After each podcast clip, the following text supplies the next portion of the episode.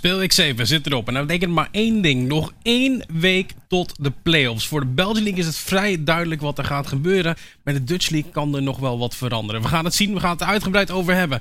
Mijn naam is Colin Colijn Wijnolds en dit is The Recall.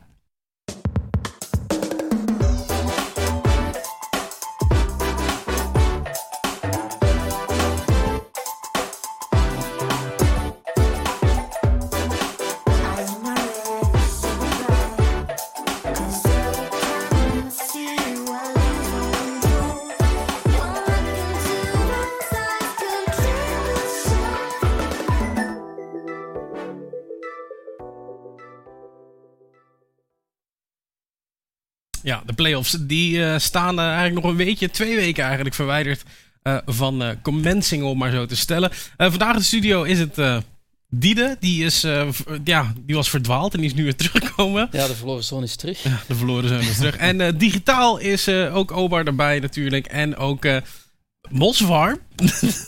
Bart, Bart Dame is terug. Hallo, leuk, leuk. Ja, van, van Twitch Memer. Ja, leuk om er weer een keer bij te zijn. Ja, van Twitch Beamer naar Caster. Nu weer terug naar Twitch Beamer. Maar nu ook weer terug als gast. Want ja, Bart uh, die miste ons toch een beetje. Um, ja, Omar, uh, volgens mij voor de mensen die het uh, gisteren niet hebben gezien. Um, er was een onderzoek lopende bij jou thuis. Er was uh, een lopende coronatest, die is ondertussen negatief binnengekomen. Dus uh, hey, vanaf volgende week terug in de studio, maar voor nu nog eventjes van thuis. Ja, supermooi. Uh, ja, Dina en Bart, fijn dat jullie er bij zijn. Maar ook jij vanuit thuis, of waar je het ook luistert. fijn dat je er ook bij bent. ja, afgelopen week in de Belgian League. Sector 1 tegen, tegen Iron Squad. Ik vond het nog best wel close worden, Dina. Ja, het was ook niet de enige die best wel close werd. Uh, maar deze was om iets betere reden. Ik denk dat Sector 1 eindelijk een beetje wakker aan het worden is tegen het eind van de split. En dat Iron Squad misschien wel een beetje verbaasd was van uh, hoe close het werd uiteindelijk tegen het einde van de match. Ja, waarom denk jij dat het close werd, Bart? Want uh, laten we eerlijk zijn, performance bij Iron Squad, we, we zagen een strongside top lane, maar daar gebeurde niet heel veel strongside dingen voor Ion. Nee, het was ook een beetje alsof Sector 1 op een gegeven moment alle middelen in handen had om die game te gaan enden. En dat ze het toen te graag wilden. Want als je gaat kijken naar statistieken, teams die drie inhibs down hebben, die tegen een Elder Dragon buff staan, horen eigenlijk nooit te winnen. Maar die late game bij Anscott tegen Sector 1 had eigenlijk iets weg van een handbalwedstrijd met de hoeveelheid die daar geworpen werd. Dat was niet best. Ik, ik ben eigenlijk heel benieuwd, Omar. Een best of three, of een best of five. Alles in de playoffs gaat best of five zijn ik, ik durf eigenlijk niet te zeggen wat de uitkomsten zijn een best of five tussen deze twee teams. Als we in ieder geval zo'n vijf matches krijgen, dan weet ik al zeker dat als we 40 minuten daarover gaan moeten casten, dat uh, wij misschien nog wel de grootste piloot zijn van allemaal. Want als er daar telkens een game heen en weer getrouwd wordt, uh, ik denk wel dat uh, Iron Squad in best of five net iets sterker is dan Sector 1. Ik denk dat er net iets meer ervaring in zit, dat de draft sneller aangepast gaat worden. Maar als Squad de draft in, dan weten we ook dat ze gewoon gemakkelijk de game weggeven. Ja, de Dutch League eigenlijk uh, een, een, beetje tragisch nieuws. Hè? We, hadden, we hadden een klein beetje hoop. En ik heb het over de Lone Lines. Uh, die hebben het helaas niet gered. Uh, hoe, hoe is dat ook alweer? Waarom hebben ze het niet gehaald? Ja, uh, om het te halen moet je spelletjes winnen. En daar, uh, op het, tegen het einde liep het daar een beetje mis. Het was heel jammer om te zien, want vooral de laatste weken zag je echt wel een opwaartse trend voor Lowland Lions. Ja. Uh, met een jungler die eindelijk mee in het roster was, zag het er elke keer beter uit. Um, maar zowel PSV als Dynasty waren een mate groot vorige week en daardoor ja, liggen ze er nu uit. Ja, ergens een beetje huilen, Bart, want we gaan niet onze standaard PSV e-sports tegen de Lowland Lions zien. Nee, maar dit is ook wel een keer fijn om uh, nieuw bloed erbij te hebben. Het is uh, zonde voor Lowland Lions dat ze natuurlijk hun titel niet kunnen verdedigen. Maar de playoffs staan er uh, op het punt om te beginnen natuurlijk. En het ziet er nou uit dat het erg spannend gaat worden, even goed. Ja, voor de mensen trouwens die deze jongens niet kennen, Diede en Bart, laten we daar eens eigenlijk beginnen. Diede, waar ben jij eigenlijk geweest? Uh, ik ben in Brussel geweest, in de studio van Proximus. Daar samen met uh, Xavier, die mensen misschien nog kennen van vorig jaar, Exodus. Van vroeger? Uh, van, heel van vroeger, van een ver verleden. Daar doen wij de, de stream voor Proximus in het Nederlands. samen met onze collega's Visso en Paulo, die het in het Frans daar bemannen. Ja. Bart, jij bent een tussen haakjes echte baan gaan doen, of zoiets? Ja, om een lang verhaal kort te houden, ben ik in de afgelopen zomer afgestudeerd. En toen was eigenlijk ja, het punt aangebroken om een volgende stap in de carrière te zetten. Heb ik heel veel geluk gehad, want mijn bacheloropleiding stelde eigenlijk niet zoveel voor. Uh, maar ik heb een baan kunnen vinden in de technische richting, in de ICT. Uh, en daar uh, nou, werk ik nu fulltime aan. Compleet burgerlijk van half acht ochtends tot vier s middags zit ik lekker achter mijn werklaptop hier te werken. Maar toch kan jij niet laten om alles te blijven volgen in Benelux, hè? Nee, nee, nee. Ik, het, het is natuurlijk me veel te dierbaar allemaal. Niet alleen jullie als collega's, die ik nou niet meer zo vaak zie als ik graag zou willen. Maar Mm. ook de hele League of Legends community als geheel. Dus als ik niet aan het werk ben, dan ben ik in die avond natuurlijk wel nog even de Dutch League en de Belgian League aan het kijken. Ehm Diede, iets wat mij trouwens heel erg opviel. En ik denk heel veel mensen die League of Legends volgen, met name de IRL's, eh, Universe. Ja, eh, een uit de hand gelopen passieproject dat ik eh, vorig jaar ben gestart eh, samen met Mega en Goldberg. Heeft eindelijk het levenslicht gezien. Eh, er is veel bloed, zweet en tranen en YouTube-tutorials aan vooraf gegaan om te leren editen. Ehm geeft me meer respect voor wat de productie achter de schermen doet. Tegelijkertijd is het wel leuk. En het was eigenlijk een gemis dat ik zelf voelde als fan en ook wel als caster. Van oké, de IRL's zijn leuk in hun eigen taal. Ja. Maar wanneer EU Masters dropt, dan komt het een beetje uit het niets. En het is heel moeilijk om echt te volgen wat er in alle IRL's gebeurt, zonder elke dag Gamepedia te checken. En het is daar dat we een beetje op proberen inspelen met eh, letterlijk een update van alle IRL's. W- Welke IRL is het meest spannend nu? Ik, eh, persoonlijk moet ik zeggen, Spanje ziet er heel close uit. Eh, niet alleen liggen de teams heel dicht op elkaar qua level, maar ook alles kan daar bijna nog gebeuren. Ehm, en ook iets kleinere IRL's zoals, zoals Italië, daar begint het ook echt te spannen waar teams die er normaal uitlagen er nu toch nog bijna in geraken. Dus het wordt overal echt wel heel spannend op dit moment.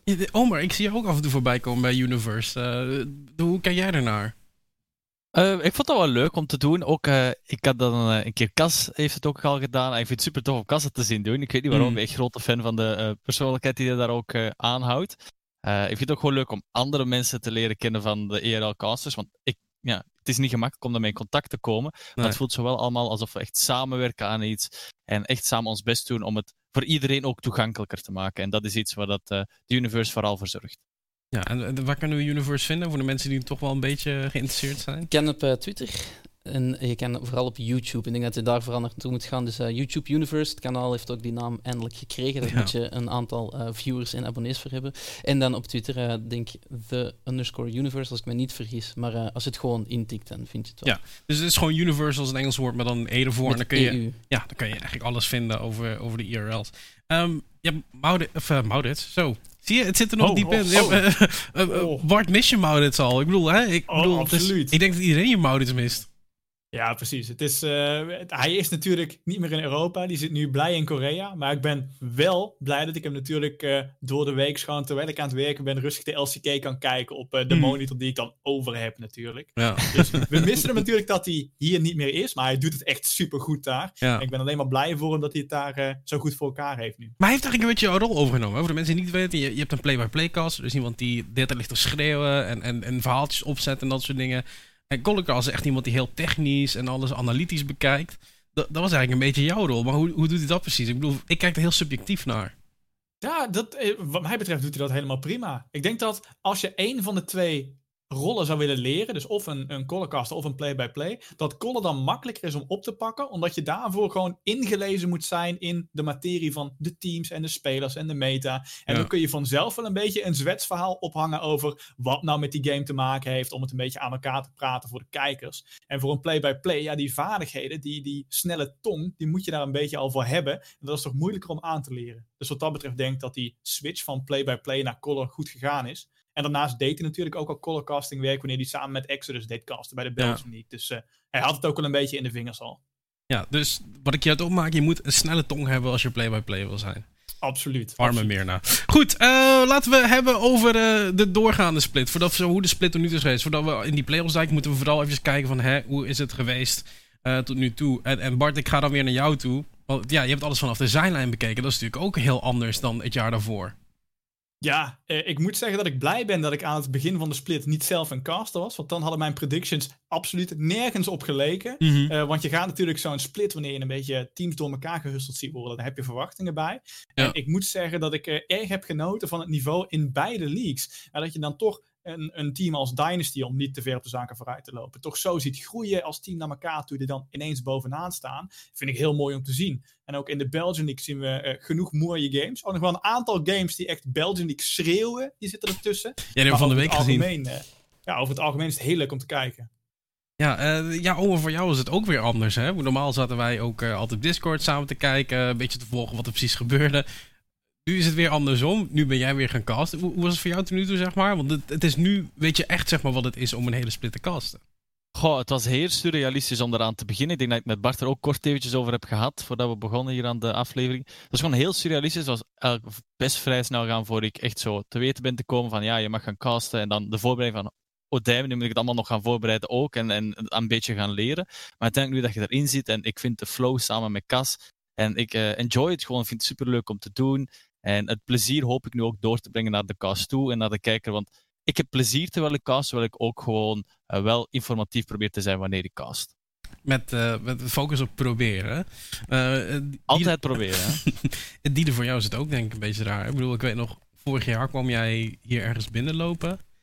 En in één keer was je in je Masters Play-ins aan het doen. En, en toen was je in één keer, kwam je bij de, de Belgian College, kwam een keer erbij casten. En nu zit je er echt gewoon ook een hele split nu toe al gewoon alles mee te kijken en mee te praten. Ja, en vooral het laatste, hè, mee praten, het kijken lukte van thuis uit ook meestal wel. Maar um, ja, een beetje hetzelfde als Omer. Um, er wat vorig jaar, je omschreef het eigenlijk heel goed, een beetje ingerold en, en mijn, mijn kop opgestoken. En dan nu ja, aan de, aan de Proximus-zijde samen met Xavier um, die, die leuke, lekkere Belgian League potten uh, elke week aan elkaar mm. praten. En ik moet zeggen, het, het leuke vind ik als fan, heb je dan een aantal teams waar je oprecht fan van bent. En om, om die dan elke week echt te volgen en daar nieuwe verhaallijnen voor te proberen ontdekken, dat, dat is wel heel leuk om te doen. Als je dan kijkt naar teams zoals KVM, met dan een samenvoegsel is van KVM en ITRA, ja, dat maakt het eigenlijk... Ja. Soms ben ik nog altijd wel een beetje fan als ik die games aan het casten ben, om het zo maar te zeggen. Kan dat eigenlijk wel. Kun je als casters fan zijn? Maar la, laten we eerlijk zijn, hoe, hoe is de Belgian League? hoe, hoe, is de Belgian League tot nu toe geweest? Ik bedoel, hè, de buys zijn dat werkt voor mij wel. Ik bedoel, hè, PSV dat werkt meestal eind van de split, dat gaat dan wel de goede kant op. Maar um, de Belgian League tot nu toe, uh, we hadden het begin van de split hadden het er ook over. Het is, het is, een, het is een league die wij doorgaans een beetje beschouwen als een... Nou ja, als, als je kijkt naar de twee zussenleagues, is dat meestal wel de league waar wat absurdere dingen gebeuren. Ik vrees dat vorige week um, dat we onze naam weer hebben waargemaakt. Maar op zich, ik vind het entertainmentniveau was er wel. En mm. daar, daar, het is daarom dat ik ook een beetje terug fan word. Op die moment kan je als caster bijna niet meer heel analytisch naar het spel gaan kijken. Je wordt gewoon meegezogen in die momenten. Die, je ziet dat bij die spelers ook. Ze proberen daar die bases in te pushen, omdat ze denken, nu gaan we winnen. En dan blijkt het uiteindelijk niet zo te zijn. Ik denk het niveau dit jaar ligt zeker hoger in de Belgian League. Ja. Maar ik denk dat we nog altijd wel nu zitten met de verwachtingen die zijn ingelost. De top 4 is de top 4 die we hadden verwacht. En het niveau is wel waar ik denk dat de meesten het hadden ingeschat ook.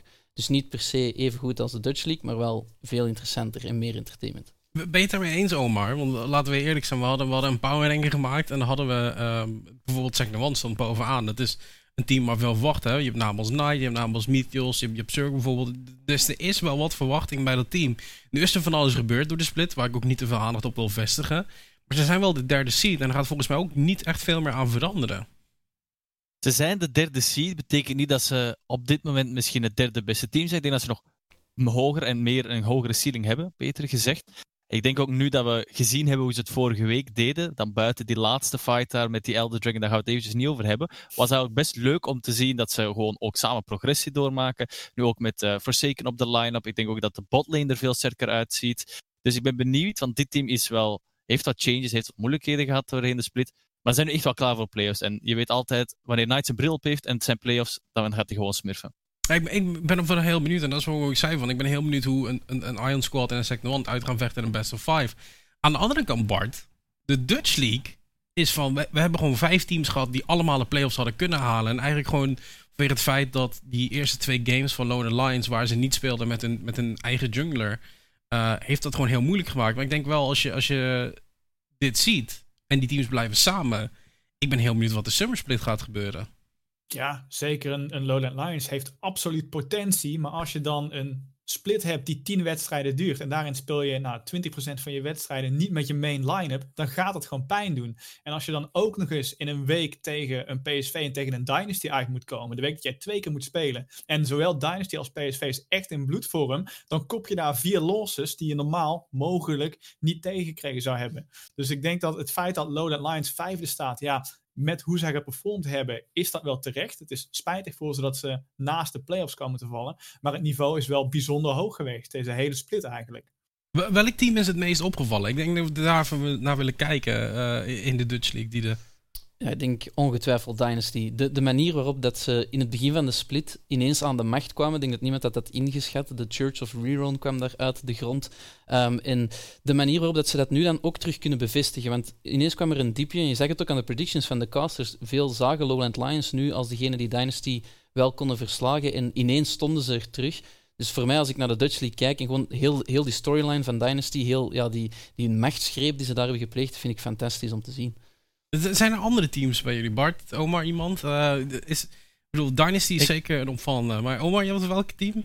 Ja, het valt nou natuurlijk op dat Lone Lions niet in de playoffs zit. Dat is het, de grootste verrassing voor mij ook van de, heel de league. Mhm. Ik denk ook wel, ik vond het uh, verrassend.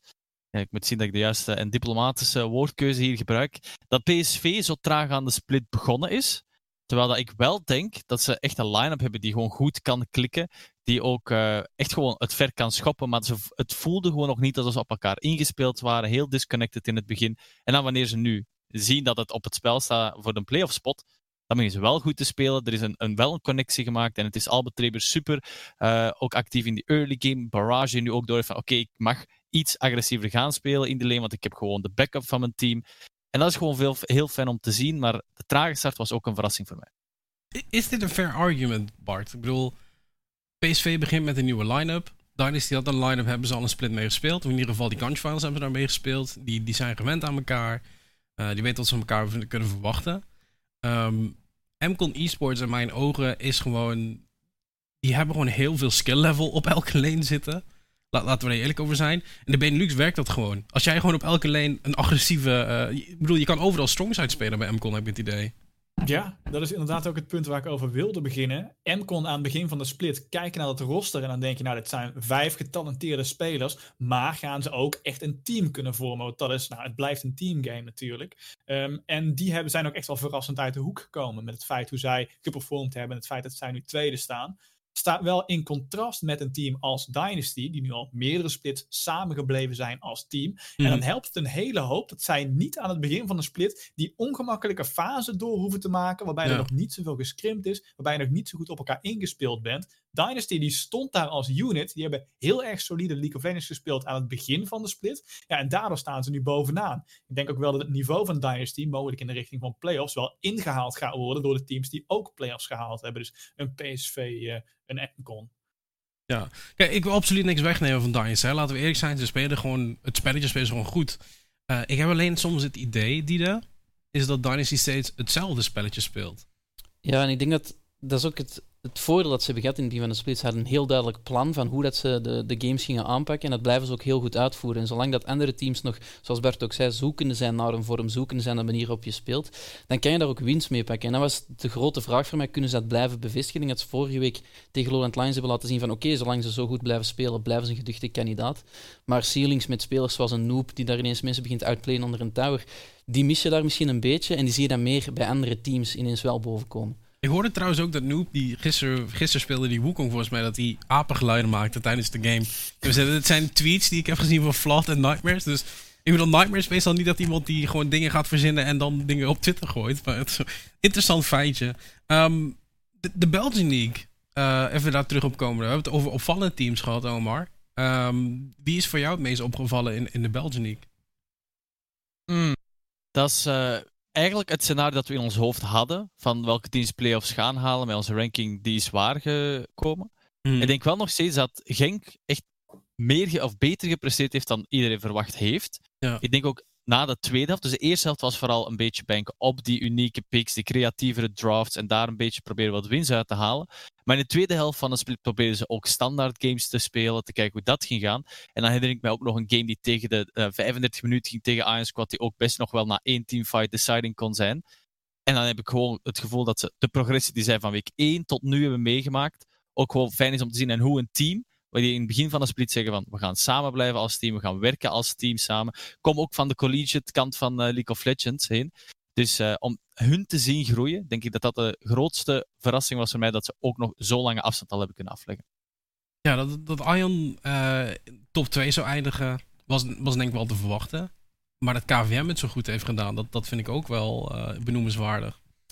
Ja, het leek erop dat, dat ze eindelijk de magische formule van de KVM heeft elk, elke split echt gewerkt aan hun roster. En nu met die drie mensen van Itra en een hele goede jungler daarbij te pairen, zagen we ineens de grootheid waar Itra wel toe in staat was, maar ze stranden op de derde plek, omdat er zo'n net mid-jungle duo werkte niet altijd even super. En dan heb je daar ja, in de toplane Robba, die hetzelfde kan spelen als Tuamari, die, die hem letterlijk heeft als trainingspartner. Hmm. Ehm, en de muziek die ze maken is heel mooi. En vooral het niveau dat ze telkens aantikken. Tegelijkertijd zie je zo elke game af en toe zo toch even de teugels volledig loslaten. Ja. Ehm, maar dat maakt hen ook zo speciaal om te kijken. Ik denk dat veel mensen ervan verschieten het KVM er. Het is eigenlijk bijna de perfecte anime storyline. De eerste split raken ze zo net in de playoffs. Tweede split raken ze tot in de...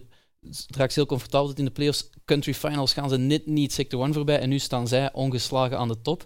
De vraag is, met dat je het zelf ook zei, van, ja, in best of five, in- wat gaat dat geven? Want ze zijn heel creatief in draft, maar wanneer je een aantal van die spelers onschadelijk kan maken, dan gaat het misschien wel heel moeilijk worden. En daar kijk ik heel erg naar uit. Ja, we hebben het over best of one, best of five, Bart. Wat, wat is zo'n groot verschil dan in zo'n best of five? Nou, je hebt natuurlijk dat jij voor een best of three of een best of five kun je een aantal verschillende tactieken voorbereiden. En daarnaast staat er natuurlijk bij dat je in een best of 1 ben je of blue side of je bent red side. En in een best of 5 ga je die side switch hebben. Of ga je in ieder geval in de helft van de games die side selection hebben. Wat Mhm. ook weer de draft heel erg interessant maakt. En daarbovenop komt nog het feit dat jij kan reageren op wat je tegenstander gespeeld heeft in game 1.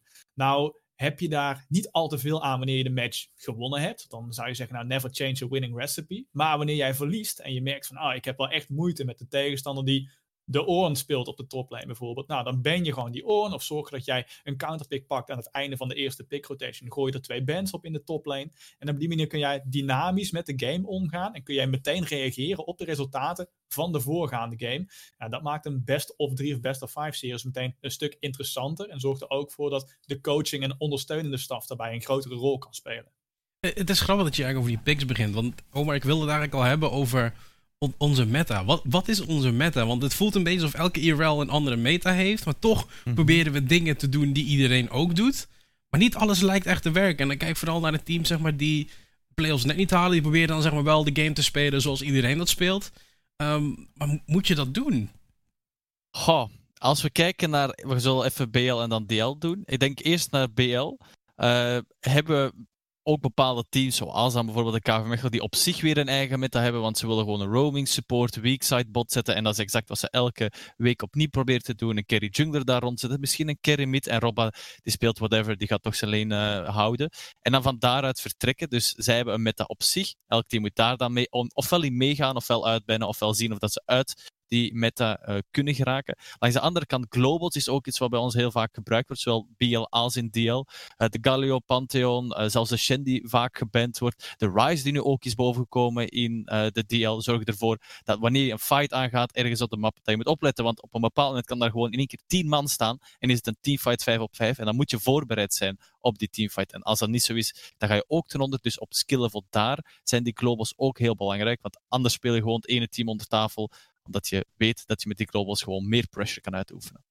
Dus als ik het, als ik het zo hoor, Global Ults, dat is, dat is de meta van de Benelux. Ja, het leek even enkel met de van 7 te zijn, waar dat elke global werd uitgeband. Maar het, is wel effectief zo dat die blijven terugkomen. En het maakt het ook gewoon heel veel makkelijker om op een bepaald moment, wanneer je in een 2v3-situatie zit, om die globals te gaan gebruiken om 3v3 te spelen. En dan zien we dat er maar een paar teams zijn, zoals Iron Squad, die echt kijken naar van die moeilijkere strategieën, naar die 1-3-1's om toch uit te voeren. Eh, bij Iron Squad is het dan heel vaak met een, een heel proactieve jungler voor Dommy, zoals die Jarvan die hij nu de laatste tijd bijna altijd insta-lokt Ja. dat het wel een beetje unlockt voor dat team. En dan zie je dat er toch een aantal teams zijn die daar wat van afstappen.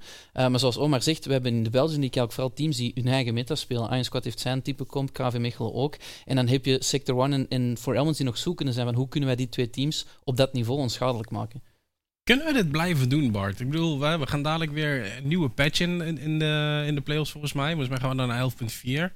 Dat is de patch waar superveel jungle changes zijn geweest. Ehm, we hebben er ook uitgebreid over gehad in een recall. Volgens mij echt twee episodes terug. En, en toen hadden we Dommy en Flat ook. En toen vroegen we ook van, ja, wat, wat gaat het doen? Gaat het meer... ehm, eh, gaat het ervoor zorgen dat we veel meer eh, early game gankers gaan zien? Ik bedoel, wat gaat er gebeuren, denk je? Ja, je kan een aantal kanten op met die jungle changes natuurlijk. Ik vond het mooi dat Dommy zelf een tweetje eruit gooide dat deze jungle changes gaan alleen maar duidelijk maken wie nou de echte goede junglers zijn en wie een Grace, een Lydia spelen en gewoon 20 minuten lang jungle camps farmen. Hmm. Um, het feit dat je nu minder XP, minder gold uit de jungle gaat halen, speelt over het algemeen wel de early game ganken de junglers in de hand, zoals je net zelf ook al zegt. Um, dus dan heb je het over dingen als, nou, uh, of champions die vroeg kunnen ganken, of champions die niet al te veel levels of resources nodig hebben. En dan ga je toch weer richting die early gankende, tanky, CC-achtige junglers toe. En dan noem je een, uh, ja, noem een Sejuani, noem een, uh, een Jarvan. En dan hebben we volgens mij de hele jungle pool van Dommy wel zo'n beetje gehad. um, Nunu, Nunu. Oh, Nunu, sterk. Ja, maar dan wel oude Nunu natuurlijk. Oude Nunu, ja, tuurlijk. Nee, maar zonder al te veel grappen. Um, als de jungler minder gold, minder XP gaat geven, dan zul je als jungler proactiever moeten spelen. Dus het kan dat jij dan voor die early ganks gaat uh, en dat jij de kills gaat pakken. Het kan dat jij de utility rol gaat spelen. Het kan ook dat jij een agressieve jungle pakt en niet alleen jouw eigen jungle gaat farmen, maar ook met lane priority de enemy steeds meer gaat proberen te invaden. Want dat wordt dan ook een steeds meer valide strategie om de enemy jungler echt helemaal de game uit te krijgen. Ja, we hebben nu eigenlijk vooral over de teams die het heel goed doen. Uh, over de teams die de playoffs hebben gehaald. Maar we hebben eigenlijk niet echt gepraat over de teams die het niet hebben gehaald. En kijken naar de Belgian League. Daar hebben we weinig verrassingen gezien. Want daar hebben we die power ranking gemaakt. En we hadden het over. Ja, Genk en 7M die gaan het gewoon heel moeilijk krijgen. Maar ik ga heel eerlijk zijn. Ik kan niet verwachten dat 7M het zo moeilijk zou hebben. Nee, je zou bijna verwachten dat ze, zoals Dynasty, het seizoen toch sterker inkomen. Omdat het toch een team is met, met drie spelers die een hele tijd hebben samengespeeld. Oké, er zit een rolswap bij. Hmm. En dan, dan zet je daar twee nieuwe pionnen in. Eén zelfs vanuit je eigen academy line-up. Dus dan zou je toch denken van oké, in het begin moet hun understanding van, van het spel in het algemeen, moet hun basisniveau vrij hoog liggen. Um, wat ik vooral heel mooi vond om te zien is hoe moeilijk het voor hen ook werd. Ze, ze, ze draft altijd heel vreemde composities met een moeilijk uit te voeren combo. En ze kwamen nooit online voordat die combo er was. Um, ze zijn toch elke game blijven vechten. En je zag dat ook die laatste game nog, waarbij de kansen eigenlijk zo miniem zijn. Je moet twee games winnen, alle andere games moeten de juiste richting uitgaan. En toch spelen ze vol overgave. Het is dan jammer genoeg niet genoeg. En ik denk dat zij echt gaan moeten kijken naar volgende split van oké, wat werkt er hier niet? Want je hebt eigenlijk een team zo goed en kwaad als het kon bijeengehouden, die vorige split wel effectief de playoffs konden halen. En die nu volledig eigenlijk ja, uit de boot zijn gevallen, om het zo maar te zeggen. Dus die moeten echt gaan kijken, 7-1, van ja, waar lag het hier aan? Je hoorde het ook in sommige interviews van we proberen wel, vechten wel, en het zijn echt de basics en je wordt daar nu harder op afgeschreven dan vorig seizoen.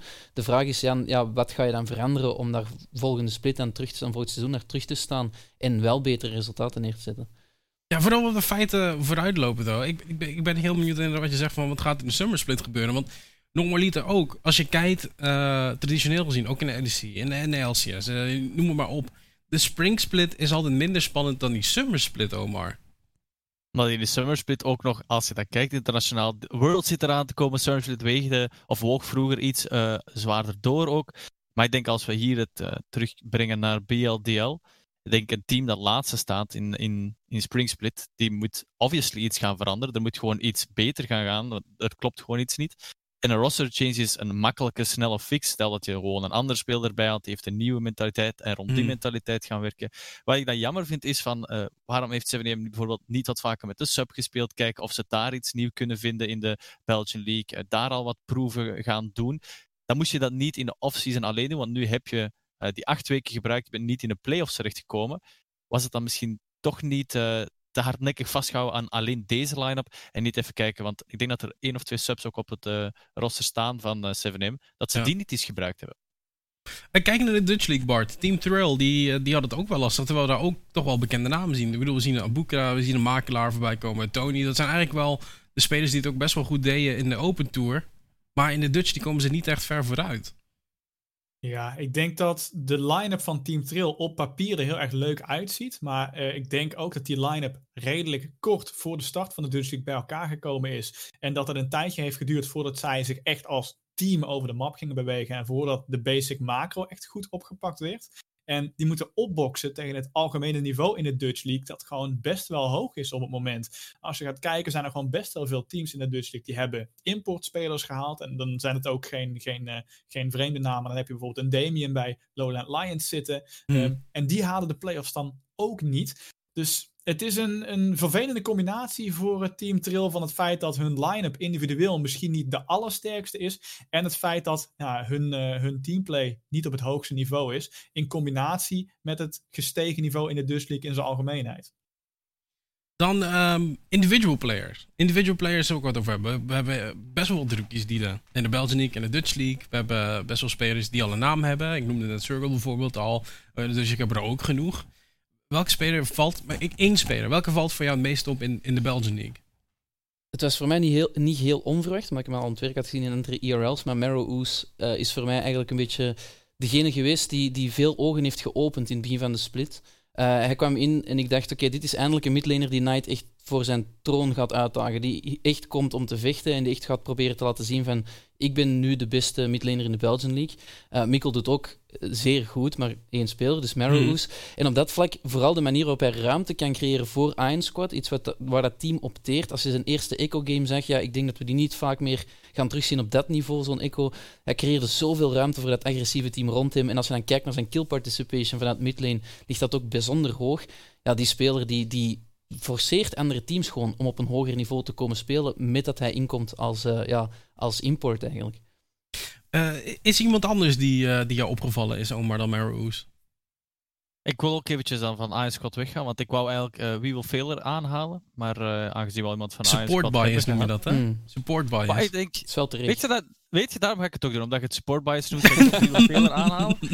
ik vind het gewoon knap dat iemand die uh, in season 1 echt heel sterk was, season 2, season 3, die early seasons van League, echt een heel sterke speler was en een slimme speler, die dan een tijdje minder actief is geweest, inactief op het speelvlak, die dan nu gewoon terug kan komen met een team zoals Iron Squad, gewoon kan meedraaien op hetzelfde niveau, zelfs ook de top 2 in de Belgian League, ook al is het tussen haakjes van alle eras maar de Belgian League. En nog steeds tegen een team zoals Sector 1 tegen, uh, tegen KV Mechel, waar je ook nog Bardo hebt op die supportrol, doet dit gewoon supergoed. Ook de kennis die hij meedraagt, die hij allemaal heeft opgedaan van vroeger. Dat is kennis die nu ook verspreid wordt onder vier nieuwe spelers binnen Iron Squad. En als die vier spelers nu ook bij een andere Belgian League of Dutch League team gaan spelen, is dat kennis die ook weer verspreid wordt. Dus het is belangrijk om die kennis misschien terug te krijgen naar de Benelux en dan ook weer te verspreiden onder de spelers die wij hier hebben. Ik vind het schattig dat je Dommy een nieuwe speler noemt. Daar ga ik, even, daar ga ik het even bij laten. Hij is een vernieuwde speler. Een vernieuwde speler. ik denk dat hij... Het is een nieuwe vorm van Dommy die ik hier hmm. zie. Het is niet meer de Echo Zulu Dommy, niet meer de domme jongens Dommy. Dit is gewoon Iron Squad Dommy. Uh, Bart, ga jij weg van de Iron Squad? Ga je toch iemand anders noemen? Of... Nou, als ik had mogen beginnen, dan was ik begonnen met Dommy noemen. Dus dat ga ik maar heel kort doen. Ik ben positief verrast door hoe goed Dommy uh, in combinatie met als ik bij de playoffs Als ik bij de playoffs ook maar één iemand anders Iron Squad zie predicten. Oh, dan zijn jullie nu allemaal gewoon uit je nek aan het. Ja. Nou, ik dacht voor die split, je, je zag de streams langskomen van Dommy samen met het vogeltje. En ze gaan even de Belgian League aanpakken. Denken van ja, is goed jongen. Je iedere game wordt er een muntje opgegooid. en als hij op de goede kant landt, pak je die een win. Nou, hij landt iets vaker op de goede kant dan dat hij op de slechte kant landt. Dus wat dat betreft gaat het uh, voor Iron Squad in zijn geheel heel goed. Maar verder ben ik positief verrast door het niveau van heel veel AD carries in zowel de Belgian League als de Dutch League. Noem een, Luna, een Barrage, een Damien, een Piwek. Het niveau is echt best wel hoog, puur als je naar de statistieken gaat kijken. Maar überhaupt ook de teamfight stijlen. Ehm, daar waar we in de eerste split of tweede split van de Dutch League eh, en de Belgian League nog wel eens AD carries meteen aan het begin van een fight opgeblazen zien worden, merk ik nu dat dat links en rechts nog wel eens gebeurt. Maar er wordt steeds beter gespeeld, wordt steeds beter gepositioneerd. En daardoor uh, zie je toch vaker ook dat die AD carries echt de rots in de branding kunnen zijn voor een team. Maar die heb ik nog steeds geen spelersnaam gehoord. En trouwens, je hebt ook alleen maar Dutch League AD carries genoemd. Ik weet niet of je dat door had. oh, dan, dan uh, om Belgian League erbij te pakken en nog een spelersnaam, Sliver. Absoluut. Want dat is ook vanwege de redenatie dat ik dacht dat Sliver twee jaar geleden al zou stoppen. En ik denk, ah, als die nog bij een team erbij gaat zitten, dan heb je opa Sliver erbij en die gaat dan lekker weakside spelen. Maar het werkt zo ongelooflijk goed voor KVM. Uh, eh, het is echt het laatste puzzelstukje dat precies in de puzzel past uh, voor KVM. Dus, Want die uh, speelt zoveel carries, Bart. Nou, nee, maar gewoon ook het feit dat je dan zet hem lekker op de Heimer-dinger. Het maakt niet uit wat die man speelt. Speelt alleen praktisch altijd 1v2. En uh, het, het werkt gewoon voor KVM. En zo te zien weten de rest van de teams in de League nog niet zo goed wat ze er tegen moeten doen. Wat, wat, moet je er tegen doen dan? Ik bedoel, hier, gratis analytische informatie van Bart Moswaardame. Oef, ja, nou als je tegen een Heimer-dinger staat, dan wil je bij die botlane uit de buurt blijven. Um, ik ben zelf altijd een fan van de Shaco natuurlijk. Ja, dat weten we, dat uh, weten we. Ja, nou, ik denk tegen KVM, die zijn heel veelzijdig. Dus daar moet je de winst niet per se willen zoeken in de draft. Omdat zij zowel door de toplane, de midlane als door de botlane. Nou, Urban die kan er ook wat van. Dus je hebt in principe vijf man in het roster die wanneer ze een lead krijgen, een game echt kunnen carryen. Dus dan moet je het bij je eigen gameplan gaan zoeken. Moet je een solide, sterke draft hebben die eigenlijk de early game en de mid game gewoon een voorsprong kan pakken en dat ook solide uit kan bouwen. En dat is natuurlijk een stuk makkelijker gezegd dan gedaan, maar de meta schuift wel die kant op dat jij wanneer een game early een lead weet te pakken, dat je dan de game echt kan snowballen door gewoon de enemy jungler helemaal de game uit te forceren. Dus uh, nou ja, tot zover mijn gratis analyse. Ja. De volgende keer stuur ik wel een factuur. Hij praat wel als een colorcaster, moet ik zeggen. Um, in de Dutch League gaan we dat rijtje ook even af. Opvallende speler. Noop.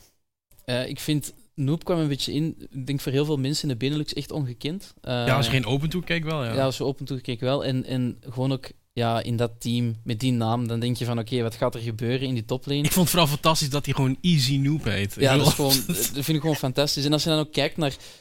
Er zijn heel veel geïsoleerde momenten geweest, onafhankelijk van hoe de games gingen, mm. dat je echt zo dacht van, maar wie is die noob in die toplane? Die, die man die zit hier gewoon ja, een beetje te stijlen op, op sommige mensen die hem komen ganken. En ja, ik, ik, ja die, die ene die ene gank met Wukong en de toren van vorige week zegt gewoon genoeg. Dat zijn zo die momenten, als je dan ook hoort dat hij in voice comes alleen maar apengeluid aan het maken is heel de game lang. Dat zijn, dat zijn van die spelers die ik, ik heel graag zie in de Benelux en die je dan ook heel graag ziet performen. Dus dat is echt voor mij een, ja, een, een topper in, uh, in de Dutch League. Je bent echt voor die, voor die, die showmakers bij Ja, echt absoluut. Zo niet alleen gedived worden, maar dan ook nog eens in je, in je eigen komst van je team apengeluiden erdoor binnen roepen. Dat vind ik fantastisch. Uh, Omar, voor jou? Um, exclusief twee games, denk ik Valerian van Mcon. Um, ik had even mijn twijfels toen ik Valerian terug zag komen in de, in de Dutch League of gewoon überhaupt in een ERL. Ja. Uh, omdat ik een beetje dacht dat hij aan het einde toe was aan het komen, want hij speelde ook heel veel trager uh, wanneer we hem actie zagen. Maar nu ook, explosieve start, speelt ook verschillende champions. Denk ook aan die uh, pick die er in één keer uitkwam. En zeker in combinatie met iemand zoals een Dragflick kan je vanuit verliezen echt wel vertrouwen dat hij de early game aan het snowballen gaat geraken. Dat hij zijn solo laners meeneemt om de jungle te gaan invaden, kills op te zoeken. En die explosieve early game style die Mcon dan graag hanteert, is iets altijd heel leuk om naar te kijken en te casten. Ja, Bart, uh, ik denk dat je al weet wat ik ga vragen. Ga jij iets anders zeggen? Ik bedoel, in de Dutch League heb je zo verschillende teams. En je, je hebt ook echt vijf, zeg maar, vijf teams die echt aan de top meedoen. Uh, Team Thrill heeft het nou eenmaal lastig, hè? daar moeten we gewoon eerlijk over zijn. Uh, wie viel jou op? Uh, ik ben positief verrast door hoe goed Dragflick deze hele split gespeeld heeft eigenlijk. Hmm. Dat hij zijn veelzijdigheid heeft laten zien. Dat hij hmm. wanneer het nodig is en wanneer de teamcomp het nodig heeft, een control mage, een Orianna kan spelen. Maar wanneer M kan dan die red side heeft en hij krijgt die counterpick op midlane, dan ga je alsnog de dingen als de LeBlanc zien bijvoorbeeld, waarmee hij dan ook hele mooie dingen laat zien. Dus ik vind het fijn dat zo'n speler die juist erom bekend staat, dat hij, nou, was een tijd lang een Aradian Soul OTP, gewoon een sterke solo queue speler, dat hij toch die solo queue mentaliteit naar competitief 5v5 weet te brengen. En dat uh, gaat heel erg goed voor M-Con tot nu toe. Ja, ik, ik, ik, wil dan de volgende discussie openen. Hè. Het gaat weer over spelers, of gaat nog steeds over spelers. De rookies eigenlijk die we hebben gezien. Ik bedoel, de eerste die naar boven komt is Lumerian. Dat is toevallig dan omdat, hè, we, het is geen geheim, maar we nemen wel eens de kick plays nemen we eens op. En we hadden, deze week hadden we een play uh, waarin hij gegankt werd en eigenlijk zo snel reageert om daar weg te komen met de Camille. Lumerion is een speler die vooral werd gezien als de Tryndamere, de Shen OTP, waar ik hier alles behalve heeft gespeeld. Ja, en, het is mooi om te zien dat heel veel van die rookies. Vaak heb je dan de vraag van: oké, okay, ze zijn goed in solo queue. Um, en dan worden er van die zaken opgegooid van ja, deze man die hit challenger op Galio, als je dan naar capstock en zo kijkt, dan vraag je van ja, maar wat gaan ze laten zien op, op de mainstage? Wat gaan ze laten zien in game? En als je dan zo van die mensen ziet als Lumerian, die, die worden bekeken als one-tricks, die dan mensen gaan outplayen op champs, waar je denkt van ja, wisten we zelfs niet dat in zijn champion pool zat, hmm. dan zie je ook wel van dat bepaalde teams juist hebben ingeschat van oké, deze rookies, zoals een Numerian, die geven gewoon een startpositie. Daar moeten we niet over twijfelen. We geven die gewoon die kans en hij zal het wel waarmaken. En dan zie je ook wat, wat zo'n vrucht dat effort aan de andere zijde. Heb je ook heel veel teams die dat proberen met andere rookies, waar het dan iets minder vlot draait. Uh, maar ik denk dat we over het algemeen in de Benelux heel content mogen zijn van de rookies die we hebben binnengekregen. Ik denk dat er heel veel toppertjes bij zitten die, die enkel nog maar beter gaan worden. Ja, uh, kun je daar een naam aan hangen, Omar? Ik zie jou heel goed nadenken. Ik was vooral aan het nadenken over wat er net gezegd werd. Ik ben het niet helemaal eens met wat er net gezegd werd. Ja, dat mag. Dat, dat mag. Uh, Op de vuist. Ik, ik vind Lemurian heeft gewoon grote schoenen te vullen. Dat als eerste. Als je kijkt wat dat vorig jaar Zurgot stond, daar staat nu Lemurian. En ik denk ook dat we gezien hebben dat wanneer hij op minder comfortabele champions terechtkomt, dat het soms wat moeilijker gaat ook voor hem. En dat PSV daar dan echt een, een weak point heeft, dat abuse kan worden door andere teams. Moet wel zeggen ook dat er goede games van Lemire tussen zitten, waarin je dan wel weer gewoon laat zien wat hij kan gaan doen, wat de potentie is dat die speler heeft. Maar uh, het, het, wisselvallige, dat moet er nog uit. Het is ook eigen aan natuurlijk rookie zijn. Mm. maar het, het, heeft gewoon voor mij ook zoiets te maken van... Uh, vult de scho schoenen van Zurgot. Uh, moet eigenlijk zien... Mag niet als vervanger gezien worden, moet als nieuwe speler gezien worden. Maar ja. PSV die gooit die hoge verwachting op. En dan hoop je stiekem eigenlijk dat die vervuld gaan worden. Dus ik ben benieuwd hoe dat hij ook in die playoffs gaat progressen. We weten allemaal dat Jiggly zo'n speler kan omvormen tot een sterspeler in no time. Dus wie weet wat dat nog gaat worden. In de Belgian League hebben we ook wel wat rookies voorbij zien komen. En iemand die best wel vaak genoemd werd, was, was Frenzy. Um, Bart, jij als uh, jungle connoisseur. Um, 16-jarige speler. Maar ergens ook wel underwhelming of zo, heb ik het idee. Ja, het, het is lastig om te zeggen. Um, hij leek niet heel erg consistent te kunnen spelen. Uh, maar leek ook alsof het team niet in de draft echt um, de winnende matchups voor hem voor elkaar weet te krijgen. Dat dan de prioriteit ligt op uh, nou, binnen de lanes krijgen. Maar het spelen rondom jouw lane priority wordt weer bijzonder lastig gemaakt wanneer jouw jungle matchup dat niet toestaat. Dus wat dat betreft, ja, hij heeft uh, een beetje wisselvallige games gehad. Maar hij heeft mogelijk ook niet de kans gehad om in iedere game echt te shinen. Puur door hoe de draft en de teamkomst in elkaar staken. Ja, aan de, aan de andere kant heb je dan Aesthetic. Dat is een speler die ik eigenlijk niet echt kon. Aesthetic is ook zo'n speler waar ik zoiets had van ja, ik, ik, had eigenlijk veel meer verwacht. Het is geen rookie echt, maar het is eigenlijk een speler waar ik ook niet zo heel van wist op een moment. Ja, het is een, het is een ervaren rot eigenlijk in de scène. Het draait al heel lang Maar is hij misschien te ervaren?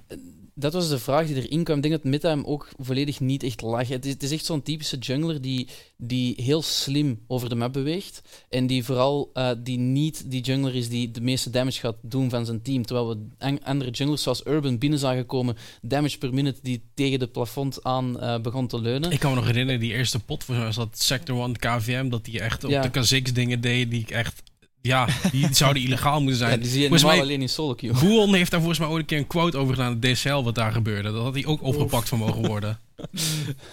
ja, dus op dat vlak denk je dat voor Aesthetic ook gewoon heel moeilijk was. Het is ook een team dat nog een beetje... Ik zie Sector One echt als een line-up. Er zitten zoveel ervaren spelers. Dat is een, een, een grootmeester die terug moet leren schaken. Ze moeten al hun pionnen juist leren zetten en dan wordt dat een super eng team. Want dan gaan ze u geen enkele seconde ademruimte geven in een game. Maar het meta op het moment dat Aesthetic inkwam, was ook gewoon veel sneller. Zeker rond die jungle. Jungle is zo'n mm. belangrijke rol. is ook een reden waarom met die nerves erdoor komen. En ik denk vanaf we dat gaan zien, dat gank belangrijker wordt. Dat slimme map movement belangrijker wordt dan enkel puur damage en farmen. Dat Aesthetic dan meer opgezet gaat zijn voor succes. Of hij het waar kan maken, blijft dan uiteraard nog maar de vraag. Ik, ik pik je vooral op zeg maar, dat die, die playoffs die nu aankomen, die kunnen er heel erg anders uit gaan zien dan wat we tot nu toe hebben gezien. Absoluut. En ik denk ook vooral als we kijken naar vorige week als we dat nemen als waardemeter voor de playoffs, dan ben ik heel content, want dan wordt het heel spannend en dan wordt het heel entertainend. Het niveau ligt misschien niet uh, super hoog, maar de entertainment factor is er. En ik denk ook, voor, zeker als je kijkt naar Sector 1, het is een beetje de stars align uh, qua scenario. Control mages zijn ineens terug. Ja, en wie speelt super graag control mages? Night in the midlane, Corky, Azir, uh, Ryze. Ja, dat zijn allemaal champions die bijna vereenzelvigd zijn met hem. Dan voor de jungle gaat het tempo er een beetje uit. Zodat spelers zoals een Domi en Urban gaan iets minder hard hun stempel kunnen drukken. Ik ben ervan overtuigd ze nog altijd wel gaan doen, maar het gaat iets minder vlot gaan. En dan geef je meer ruimte aan Zurgot, die al een heel seizoen heel solide top speelt. En spelers zoals een Knight of een Static om meer dingen te laten zien. Tegelijkertijd, ja, die teams die bovenaan staan, staan daar met een reden, zijn tot nu toe nog ongeslagen, hebben die wapens als Bardo en Sliver. Dus het wordt heel spannend. Ik, ik ga je wat opgooien, Bart. Uh, teamfights gaan veel belangrijker zijn. Nog belangrijker. Uh, ja, ik denk vooral dat de meta meer naar die teamfights toe gaat leunen. Het feit dat jungler in de early game minder invloed gaat hebben, of je moet meer gaan ganken. Uh, en wanneer je dat niet gaat doen, dan ga je minder inkom hebben en een minder grote rol spelen in die games. Mhm. Dan krijg je juist minder kills in de early game en leun je toe naar die mid-game teamfights rondom de objectives die opgepakt moeten worden. Uh, noem de, de derde en de vierde dragons richting een, uh, een Dragon Soul. Um, op dat punt gaan de teamfights natuurlijk een, een stuk belangrijker worden. En mogelijk ga je dat ook terugzien in de manier waarop teams gaan draften. Dat je dan de prioriteit af gaat zien zakken van champions als een Kai'Sa bijvoorbeeld. En dat je ze meer plaats gaat zien maken voor de utility AD carries in de vorm van een Ashe of een Varus. Goed, we hebben nu uitgebreid gehad over wat we al gezien hebben deze split. De spelers die ons opvielen, spelers die een klein beetje tegenvielen misschien ergens ook. Uh, teams die opgevallen zijn, de groei die ze hebben doorgemaakt, wat natuurlijk ook heel belangrijk is. Um, laten we nu echt focussen op die playoffs. De playoffs die beginnen um, Over twee weken. Ik weet even de datum niet precies uit mijn hoofd. Weet jij misschien toevallig? Ja, ik weet, Is het 6 maart? Ik heb wel iets met 6 maart. in mijn hoofd. 15 en 16. 15 en 15, 16. 16, 2... Oh nee. Nee, Oh, dat, dat is. eh, dat, volgens mij zijn dat, eh, dat zijn wel de, ook een belangrijke data. Dat, dat zijn de data eh, waarom we dat gaan doen. Ehm, dus niet aanstaande maandag, maar die maandag daarna. Ja. Hè, ik ben geen Ja. kalender, dus ik weet het ook niet precies. Eh, 8 maart hoor ik zojuist in mijn oortje. Ehm, de teams in de Belgian League we eigenlijk het unaniem over eens. Is, dat is terecht. Dat zijn vier teams die daar horen. In de Dutch League is denk ik nog wel ruimte voor discussie hier. Ehm, we hebben het uitgebreid gehad over de Lone Lions. We hebben het, eh, we hebben het ook gewoon dat we, dat ergens ook wel jammer vinden dat ze niet ervoor kunnen vechten. Juist vanwege het feit dat we ja, eigenlijk een vast start hebben gezien en we ze eigenlijk nu pas echt zagen groeien. Zijn de vier teams terecht in de Dutch League, Omar? Absoluut, want je moet even nadenken welk team zou je in de plaats van. eh, dus welk team zou je dan uit de playoff gooien en Lone Lions in de plaats zetten? Ik denk dat elk team gewoon bewezen heeft dat ze thuis horen in die playoff. Ik denk ook gewoon dat ze hebben laten zien dat ze thuis horen in die playoff.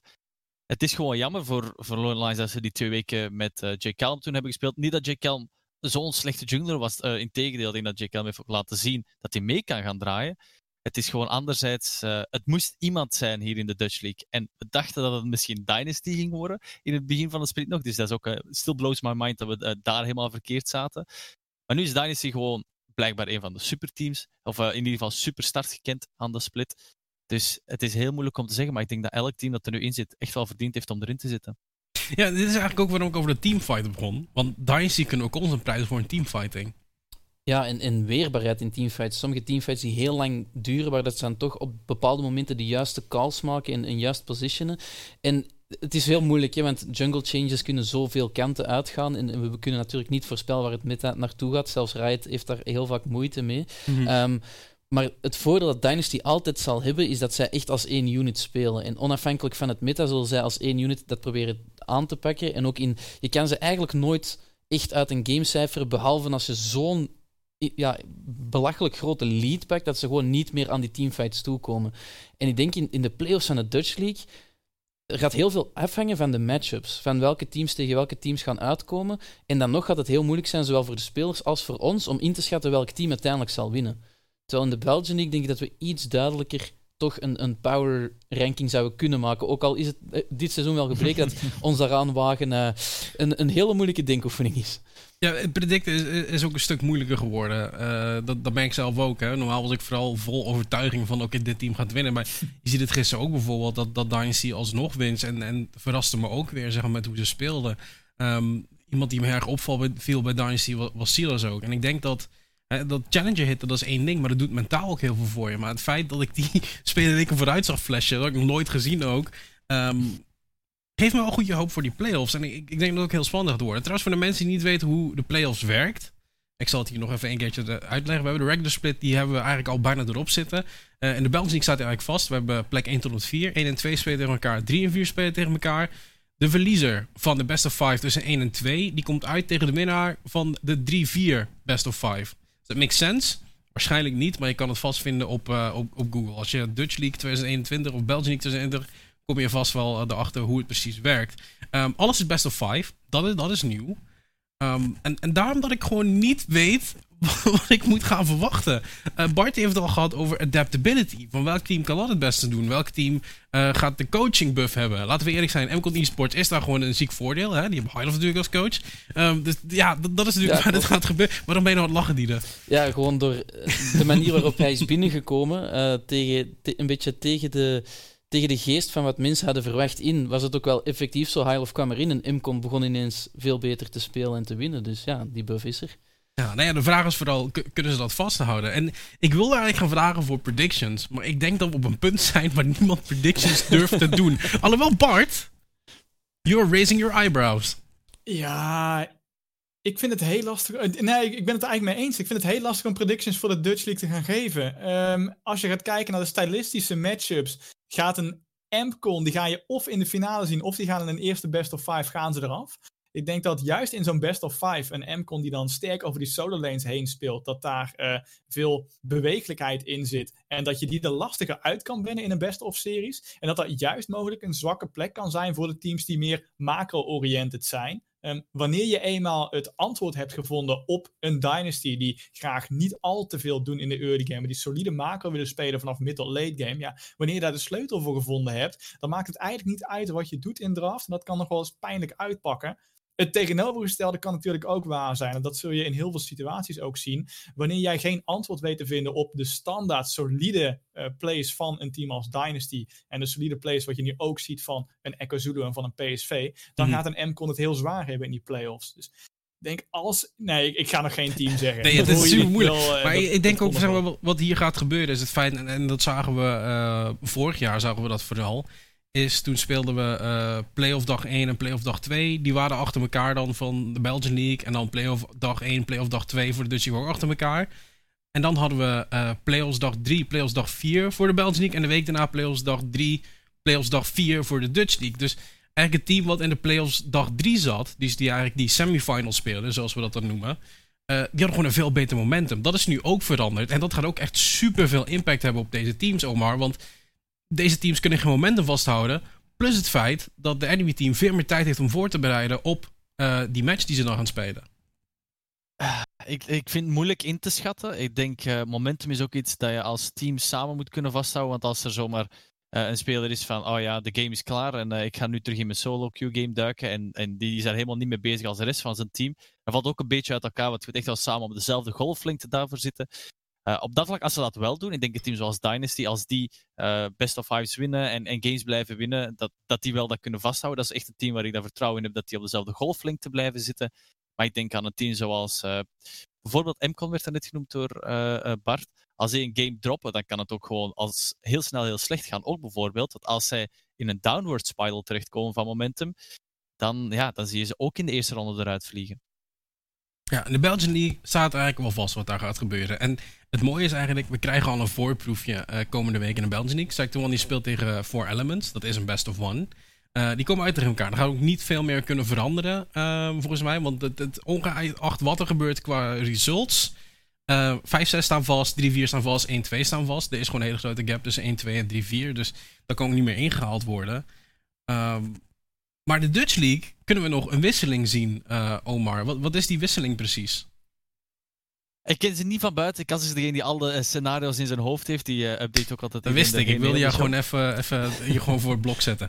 Um, nee, MCON speelt tegen PSV aanstaande week. En MCON en PSV ja. die staan nu op plek 2-3. Als PSV wint, komt PSV in de Juggernaut match terecht. En dan spelen ze tegen Dynasty een best of 5 dat gaat best wel een voordeel hebben. Het enige nadeel is wat ze hebben, is dat ze geen side selection hebben aan de kant van PSV. Uh, maar PSV en Dynasty in een best of five part. Het gaat heel interessant worden denk dat die teams tegen elkaar prima op kunnen boksen op dit moment. Dat we Dynasty zichzelf sterk hebben zien herpakken in de afgelopen week. Juist na een periode waarin het iets minder met ze ging. Dat mensen ook denken van, oh, zitten ze nou in een dipje of is uh, early season Dynasty voorbij en gaan ze nou weer uh, hmm. wat minder performen. Uh, tegenover een PSV die eigenlijk alleen maar gegroeid zijn als team over de split heen. Hebben juist een moeizame start gehad. En dat je nu ook nou, die hele line-up eigenlijk tot bloei ziet komen en een stuk sterker ziet spelen. Dat je namen als een Lumerion, ook een, uh, ook een barrage bijvoorbeeld, dat je die nu links en rechts door het beeld heen ziet knallen. Daar uh, ben ik wel van overtuigd dat dat ook een erg spannende game gaat kunnen worden. En dat dat mogelijk ook al tekenend gaat zijn voor wat we kunnen gaan meemaken tijdens de playoffs. Als MCON wint, dan is PSV derde, dan spelen ze tegen Echo Zulu. Um, Denk je dat de opgave dan makkelijker is om die best of five te winnen? Of denk je dat het gewoon net zo lastig wordt? Ik, niemand durft zich hier aan te branden op het nee, moment. Het, het, ik denk het, het hele moeilijke voor de Dutch League in het algemeen is, en, en dat zeg je ook aan de predictions van de casters, teams op bepaalde dagen zagen er zo goed uit, zo gestroomd uit, en op andere dagen leek het dan toch terug even te stokken, de motor. En ik denk dat zelfs PSV het zelf ook nog niet zo goed weet tegen welk team ze nu de beste matchup hebben. De coach zelf misschien wel, zal er een, een heel uitgekiend idee over hebben. Maar ik denk, als je tegen Dynasty in de beste five in die Juggernaut match komt, krijg je twee kansen. Ik denk dat dat altijd iets is dat je wilt pakken. Want stel dat je daar verliest, dan mag je nog tegen de winnaar van 3-4. Dus ik denk dat die plek, die tweede positie, dat is echt iets waar je nog voor wilt vechten. Daarna mag het niet meer zoveel uitmaken welk team het is. Dan moet je er gewoon door. Ja. En dan durf ik niet te zeggen, ja, Eco op zijn beste dag loopt misschien over PSV, terwijl aan de overzijde dat PSV, als ze klaarstaan, dat je gewoon geen, geen centimeter in de game krijgt. Dus Dutch League wordt super spannend. En ik denk dat Belgian League, daar hebben we het nu nog niet zo heel veel over gehad. Nee, ja, dat is eigenlijk waar ik de volgende Ja. week heen wilde gaan. Maar voordat ik dat doe, wilde ik wel nog eventjes hebben eh, over die botlane matchen. Hmm. Want Omar, ik kan me herinneren dat Lunar zei ehm, dat hij het idee heeft dat Nightmares en hij het beste botlane duo is in de Dutch League. En als we 2v2 kijken, dus niet bijvoorbeeld, het is moeilijk bij een barrage van Antrax, want Antrax die gaat juist heel veel roamen, die speelt niet per se voor de botlane, alhoewel dat ze ook 2v2 daar nu kills vinden. Sta ik wel achter die statement. Dat is een van de weinige statements die we vanavond waar ik eh, volledig achter kan staan met al die eh, moeilijke dingen die we hier zeggen. Ik denk wel dat Luna en Nightmares het potentieel hebben om de sterkste 2v2 ook uit, eh, of in deze playoffs te zijn. Goed, dan de Belgian League. Hè. Ik voelde het inderdaad, we hebben het weinig over de Belgian League gehad. En dat is vooral, League is super spannend. Daar kunnen we echt denk ik uren over praten. maar waarom moeten we ook kijken naar die Belgian League playoffs? Bart zei het er net al, eh, KV Michelstad nu is incontournabel. Dat is het sterkste team in de Belgische League, het team to beat. Maar ze hebben een heel duidelijke KV Mechelen speelstijl. Ze hebben een, manier waarop ze de game echt aanvallen. Weakside, botlane, laat Bardo zijn ding doen. En, en Mikkel die heel goed speelt, Urban die heel agressief speelt. We hebben nog geen enkel team gezien dat dat echt wist op te lossen. De moment dat dat gebeurt uit het niks in een best of 5 Denpas gaan we de dipt in, in, de diepte van KV Michel zien. Denpas gaan we zien, hebben ze nog iets klaarstaan? Kunnen ze nog verder gaan? Tot nu toe hebben ze nog niet veel in hun kaarten moeten laten kijken. Niet alleen dat is interessant, Iron Squad heeft ook zijn eigen speelstijl. En dan kijk je naar teams zoals Sector One, waar we terecht van zeggen, de ceiling ligt hoog. Kijken we naar teams zoals Four Elements, die spoiler kunnen spelen, die die 16-jarige jungle hebben, waarvan misschien op dit moment warm of koud zijn, die misschien ineens kan ontploffen. Waar je Pascal hebt op een Riven blijkbaar ook mensen best wel veel pijn kan doen. Dus ik denk dat het interessanter wordt dan je op dit moment denkt. Zeker als je kijkt naar die twee laatste games van vorige week. Als het dat niveau is, als het zo dicht is, dan denk ik dat de Belgian League playoffs bloedspannend gaan worden. Ook al lijken ze zo set in stone, ook al lijken de sterkste teams duidelijk de sterkste teams. Ja, we hebben dit ook wel eens vaker gezegd. En over, mij bracht jij dit punt ook een keer op. De Belgian League is eigenlijk een soort LPL. Er wordt gewoon constant gefight. Eh, ik, ik, ik denk dat altijd iedereen probeert te zeggen dat ik de Belgian League met de LPL vergelijk en dat ze dat alle twee hetzelfde zijn. Maar er is nog een groot verschil. Ik denk dat de spelers van de LPL net iets sterker zijn dan de individuele Maar spelers. net. Het scheelt niet veel hoor. Dat is, Het scheelt net. niet veel. We hebben hier nog altijd iemand zoals een Sliver die daar zou mee kunnen draaien, natuurlijk. Eh, alhoewel dat ik dat ook ga betwijfelen. Ik denk dat in de Belgian League er gewoon graag gevochten kan worden, omdat er ook zo eh, spelers als zijn die gewoon die fights gaan opzoeken. Die pakt daar die Pike, die heeft, staat 5-1 op 10 minuten. Hetzelfde met een Shenpik. En dat is gewoon leuk om te zien dat ze van daaruit proberen de kills te zoeken. Als je dan ook kijkt dat eh, bijvoorbeeld een team zoals Iron Squad eh, een strong side top draften met een Jace counterpick. En dan daarna die Jace niet alleen de lane laten winnen, maar ook die Jace gewoon roteren naar de rest van de map en daar rond gaan blijven spelen. Je ziet echt Dommy en Phoenix dan tezamen over die map galopperen. Of, he- vaak Hekarim, Jarvan, die erbij komen kijken. En gewoon die fight zoeken, winnen en van daaruit de advantage creëren en zo de game proberen closen. Eh, er kwam hier een tweetje eh, ook voorbij. Is, is Joni, die, eh, die komt hier met het All-Star team. Meru Oos, Urban, Surgot, Meteos en Bardo. Bart. Ik ben met de topside ben ik het in ieder geval eens. Ik, de botlane. Het zijn hele sterke spelers ook. Ik, het klikt niet meteen bij mij als zijnde van... Oh, dit zijn de beste AD carry in support in de Belgian League. Maar ik zou ze ook niet meteen weten wie ik daar nou als alternatief neer zou zetten. Ik denk in ieder geval dat Joni daar wel een, een line-up heeft geformuleerd... die eh, je als All-Star team eh, weg zou kunnen sturen, ja. Ik, ik was eigenlijk heel gecharmeerd van Fliff. Ja, ik denk uh, Iron Squad zelf ook, want hij is nu de starter ondertussen. Ik Denk, ehm, zeker als je, als je kijkt, die, elke game weet Fliff heel veel voor zijn team te spelen in de mid-to-late game. Weet heel veel damage te doen. En het, het lijkt er wel op dat wie wil hem een beetje aan het coachen en aan het supporten is tegelijkertijd om echt die, die hyper carry te worden, die, dat backup plan dat Iron Squad nodig heeft. Mm Mythios daarentegen ziet er op sommige games soms wat overagressief in die 2v2, maar met een, met een pairing zoals Bardo, die, die lekker agressief kan spelen, maar ook kan roamen, zeker wel muziek in. Alleen denk ik dat Mythios iets slechter is dan Sliver in een 2v1-situatie alleen onder zijn turret, en laat dat nu net de strategie zijn waar Bardo zo opteert voor die early successes waar Omar het over had. Ja, voordat we ehm, het- gaan afronden, ook, ook bij de, hier bij de recall, ehm, is natuurlijk hetgene waar het allemaal om draait bij je playoffs. De European Masters, dat is waar we voor spelen. En de Benelux, historisch gezien, heeft het altijd lastig gehad. Ik bedoel, Plains is niet altijd aan, our side geweest. En wat je tegen teams eh, uit de LFL kan komen. Je komt tegen teams uit de NLC, eh, die bijvoorbeeld ook twee seats hebben. Ehm, we zijn één keer uit de playoffs gekomen. Dat was op Spring Split. Dat was de Lone Lines wel. Dat was de line met, uh, met Aloys, met Chapapi. Um, gaat het dit keer wel lukken? Waarom wel, waarom niet, Omar? Dat is ook weer een moeilijke vraag, want dan moet ik al gaan denken welk team gaan we sturen. En dan ga, ik je, ga je me weer toch betrappen dat ik wel een team een favorite moet geven hier. Goh, ik denk vanuit Belgian League, als we een team zoals KV Mechelen gaan sturen, dat het niet super gaat gaan. Als ze niet laten zien in onze playoffs dat ze ook meerdere stijlen kunnen spelen. Want zo'n stijl die zij spelen is gewoon gemakkelijk te achterhalen, denk ik, voor teams die daar een grote coachingstaf achter hebben. Dat zijn dingen die ontmaskerd worden op EU Masters.